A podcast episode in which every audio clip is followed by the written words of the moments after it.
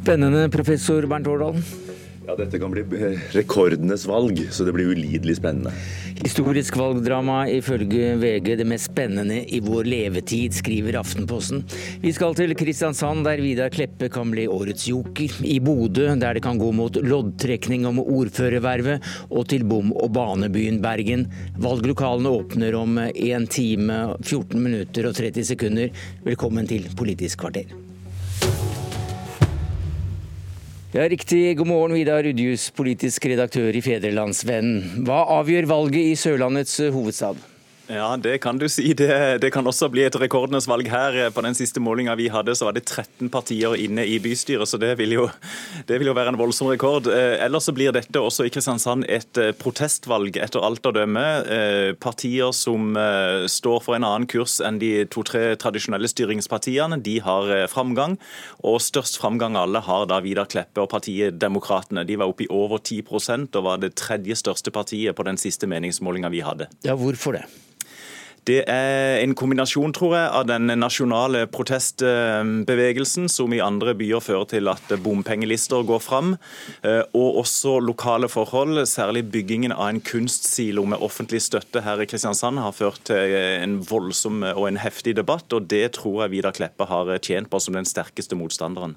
Men Vidar Kleppe eh, brøt jo, eller ble kastet ut fra Frp for mange år siden og dannet partiet Demokratene. Siden har vel eh, ingen ville tatt med han nærmest med ildtang i, i, i kommunen, i kommunestyret. Men hva nå?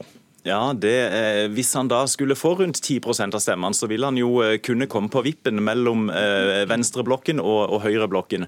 Interessant nok så har Høyres ordfører Harald Furre har gjort det klart at han eh, veldig nødig vil inngå et samarbeid, heller ikke et valgteknisk samarbeid med Vidar Kleppe. Jan Oddvar Skisland fra Arbeiderpartiet var tidlig ute i valgkampen og åpna for et sånt samarbeid, men, eh, men, måtte da etter sterke reaksjoner trekke det tilbake. Men det blir veldig utfordrende for hver av de to å skaffe et flertall uten å ha med seg Vidar Kleppe. Så nå frir de voldsomt til Miljøpartiet De Grønne, til Senterpartiet og til dels til Venstre, som da kan komme på vippen. Professor Bernt Årdal, hva kan dette ha å si for Kleppe og Demokratene i litt større sammenheng? Altså, det har jo vært et lite spenningsmoment helt siden han gikk ut av Fremskrittspartiet, eller måtte gå ut av Fremskrittspartiet, i hvilken grad han faktisk kunne tiltrekke seg en del av de mest innvandringsskeptiske velgerne i, i Fremskrittspartiet. Og Hvis det nå går slik som det kan se an i Kristiansand, så tror jeg det, at det gjør at han kanskje også vil, viss grad vil få en nasjonal plattform. Så Sånn sett så kan dette få større virkninger enn det lokalvalget i Kristiansand alene skulle tilsi. Kort til slutt, uh, Udjus, hvordan går det i fylket? Det er også veldig spennende. For første gang skal vi stemme til ett felles fylkesting i Agder. Agder blir ett nå ifra, ifra, årsskiftet. Der er det litt andre trender. Der slår ikke Klepp igjennom i det hele tatt, selv om man stiller til valg. Der er trendene mer lik de andre nasjonale. Og interessant nok, der hadde KrF ei veldig god måling nå på nesten 15 eh, like før helga. Så der kan KrF komme på vippen mellom Høyre og Arbeiderpartiet helt uklart og uvisst hvem som da stikker det lengste strået der til slutt. Takk skal du ha i Kristiansand, Vidar Rydjus, politisk redaktør i Fedrelandsvenn. God morgen, Frøy Gudbrandsen. God morgen. Du er politisk redaktør i Bergens Tidende, og således er du sentralt plassert midt i et politisk eh, jordskjelv. Hvordan blåser valgvinden nå mellom de sju fjell de siste dagene? Nei, det blir uhyre spennende i kveld, altså. Eh, fordi eh, marginene har jo vært veldig små på målingene. Og det har vært uklart om det er høyresiden eller venstresiden som vil få eh, flertall. Eh, hvis du skal se på de siste målingene, så ser det ut som det er en liten fordel eh, venstresiden. Altså venstresiden i betydningen alt fra eh, Venstre og Senterpartiet til Rødt. Men dette kommer alt an på eh, Møter Høyre-velgerne opp for å stemme? Kommer de til å stemme på Høyre, selv om de nå den siste tiden har sagt at de skal stemme på bompengepartiet? Så opp, altså, Det som skjer på dagen i dag, kan jo avgjøre alt. Mm. Og ikke minst, litt som i Kristiansand også, hvilke andre partier kommer inn? Kommer pensjonistpartiene i bystyret? Kommer eh, de kristne inn? Altså Det er altså, utrolig mange spennende ting å følge med på i kveld. Men det er bom, bane og byutvikling det har dreid seg om først og fremst? Ja. Eh, nå er det jo ikke noe nytt at eh, i Bergen handler mye om Bybanen. Men eh, vi fikk jo dette bompengeopprøret i vår, eh, som har tatt eh, enormt mye oppmerksomhet. Ikke så rart når bompengepartiet har vært oppe på 20, 25% Men så har vi at det har jo glidd mer over til å handle om Bybanen også, som er en relatert sak. Og det handler både om skal Bybanen bygges, og hvor skal den gå. Og dette er jo en av de store skillene nå mellom den blokken som Arbeiderpartiet styrer, og høyresiden. Men hvordan er det da med, med disse ja, de partiene vi er vant med at skal styre mye i ja. landet, nemlig Høyre og Arbeiderpartiet? Jeg ser at Arbeiderpartiet er nærmest i fritt fall. Ja, eh, de gjorde et uh, særdeles godt valg sist, og har jo rast nedover. Altså de, uh, de, gjorde et rekordgodt valg sist, og nå kommer de til å havne antageligvis da, godt under 20 eh, ligger det an til. Um, og Høyre gjorde et skandalevalg sist, uh, og er heldige hvis de gjør det like bra som det skandalevalget. Uh, så det er uh, Folkeaksjonen Nei til mer bompenger og MDG som har gått vanvittig fram her. Mm. Helt kort til slutt. Søviknes Frp ja. i Os kommune, sittet der i 20 år som ordfører. Mm. Ja, det er jo en av de andre veldig spennende tingene som skjer her i vest. Det er jo kommer Søviknes til å fortsette.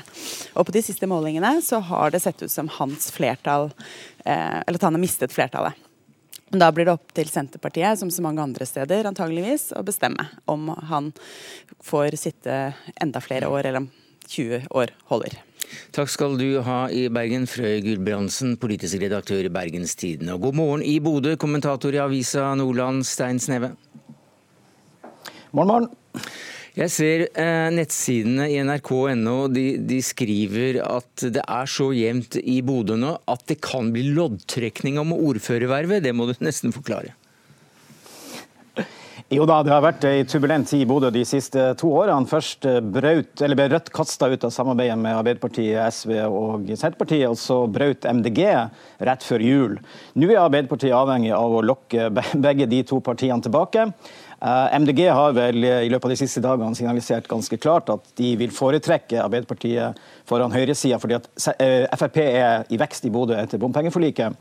Eh, og Da havner, da havner Rødt på, på, vippen. Da blir det 18-18. og Hvis Rødt holder fast ved det de har sagt, vært ganske klar på Nå har de også sendt ut noen følere i forhold til forhandlinger med ganske knallharde krav. Hvis de stemmer på sin egen ordførerkandidat, så kan vi ende med loddtrekning i Bodø. Ja. Da blir det helt likt. Og det må da være en av de få gangene sånt har skjedd i Norges historie, Bernt Årdal? Ja, det med loddtrekning det tror jeg må være veldig sjelden, uten at jeg har full oversikt over når sist det kan ha skjedd. Men uh, i Nå får jo, nå får jo ja. vær så god. Nå får jo, altså det, I, i bystyret vil det da bli to runder med avstemninger. Hvis det ligger første gang, så, så blir det jo en, en, omstemning først. og Da har jo Rødt muligheten til å ombestemme seg. Men hvis de holder fast, som sagt, eh, og Arbeiderpartiet ikke gir dem ganske store konsesjoner når det gjelder politiske saker, så, så kan vi ende i, i loddtrekning, som i hvert fall i Bodø-historia vil, vil være nokså unikt. Og Hvilket parti er det som da ligger an til å bli det største i, i fylket? På fylkesplan så, så, er det, det solid rød-grønt, men eh, det er altså Senterpartiet og Arbeiderpartiet er omtrent like store, og Senterpartiet har dratt litt fra i det siste, så, så, de kan fort bli eh, det største partiet. Og Da har de krevd uh, å, å, få fylkesrådet. Og Spørsmålet er da hvorvidt Arbeiderpartiet vil finne seg i å være juniorpartner i et, i et sånt samarbeid, eller om de vil gå ut. og Da åpner hele feltet seg for uh, nye samarbeidskonstellasjoner.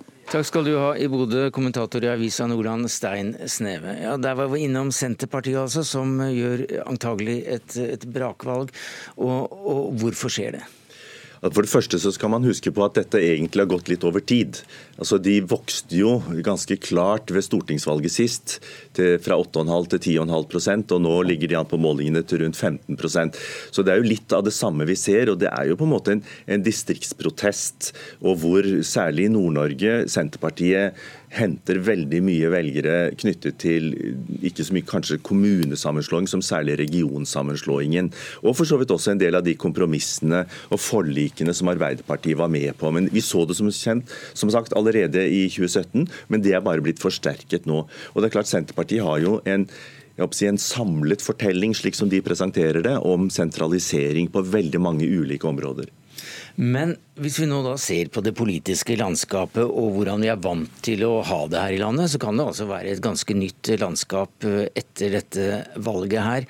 Eh, og hvilke trekk er det som faller deg mest i huet? Hva er det du kommer til å følge ekstra godt med på nå? Nei, det er klart at Vi ser jo elementer av regjeringsslitasje, særlig for Høyre og Fremskrittspartiet. Det blir eh, spennende å se om Fremskrittspartiet har klart å hente seg litt inn igjen i den aller siste fasen av valgkampen. Eh, men samtidig så ser vi jo at det er på en måte fløyene som vokser. Arbeiderpartiet som det største opposisjonspartiet henter ikke inn denne, denne slitasjegevinsten.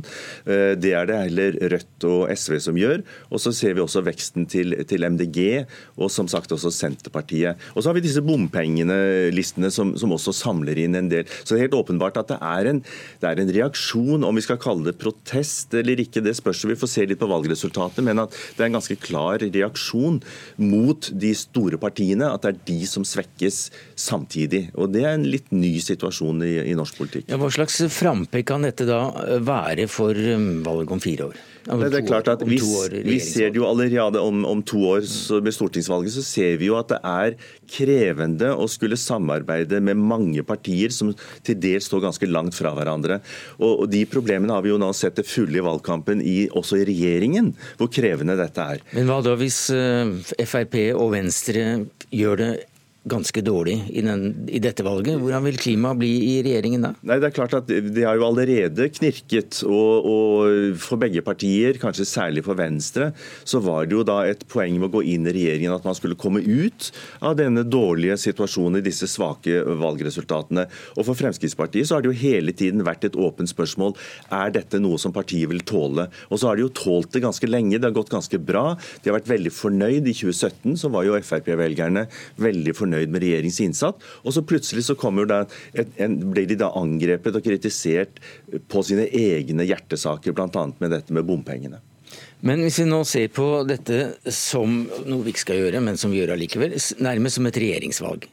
Eh, hva slags politisk landskap for, for et storting og for en kommende regjering er det, er det vi da ser konturene av? Nei, altså det, Jeg tror man skal være litt varsom og se det for mye som ja, vi, et regjerings... Vi er, vi er veldig varsomme nå. Jo, Men, men hvis, hvis, man skal gjøre det, så er det klart at det blir krevende på begge sider. Det er mm. det som på en måte er er situasjonen i norsk politikk nå. Det er ikke slik at det er bare den si, sentrum-høyre-siden, altså regjeringspartiene, som sliter. Men vi ser også på, på, den andre siden at det er spenninger dem imellom. Og Vi ser jo også at, at det å skulle gå i samarbeid f.eks. Arbeiderpartiet med en del andre partier som nå begynner å bli, bli mye større, det forrykker jo balansen. Så det at et stort parti sammenligner med mindre, samarbeider med mindre partier, det er mye enklere når det store partiet liksom kan være sjefen. Men hvis de plutselig begynner å bli blir på linje, like store eller rett og slett like små som de andre, så er det klart at det blir mye, mye mer krevende. Men eh, er det bom og siloer som avgjør, eller er det hvor slagkraftige toppolitikerne er i partilederutspørringen f.eks. Mm. på NRK1 fredagen før valget? Altså, tidligere så har man jo sagt at disse partilederutspørringene er et slags nasjonalt rituale som, som, man har både i Norge og i mange andre land. Men vi har, jo, vi har, jo, forskning som viser at det er ganske mange velgere som bestemmer seg helt i den siste fasen. Ikke nødvendigvis at de foretar dramatiske valg, men de skifter preferanser. Og det er også et spørsmål om de bestemmer seg for å delta i valget eller, eller ikke. Så slik sett så kan det være eh, nok velgere som, som bruker disse siste debattene til å endelig bestemme seg til at det kan få, få innvirkning på valgresultatet. Ja, Hvor mange er det som bestemmer seg samme dag? Ja, nei, altså I, i våre undersøkelser så har det jo vært rundt en 7-8 som sier at de bestemmer seg på valgdagen. og Det er over 200 000 ja. velgere. Så det er ganske store tall vi snakker om. Men velgere og, og valgkamp, er det, er det, partiene som kommer til oss, eller er det vi som kommer til partiene? Er, er det mennesket som forandrer seg, eller er det partiene? Selvsagt begge deler, det er jo det sikre svaret. Nei, men det er klart at eh, det er, eh, det er nok kanskje i mindre grad velgerne som egentlig flytter på seg. Når, I hvert fall vi ser at det er en ideologisk stabilitet på eh, velgerskaren. Så det er nok noe av det at, at, denne konkurransen mellom partiene blir bare sterkere og sterkere. Og vi ser jo også at det er særlig mellom partier som ideologisk og politisk ligger nært hverandre, at vi har de største velgerutvekslingene.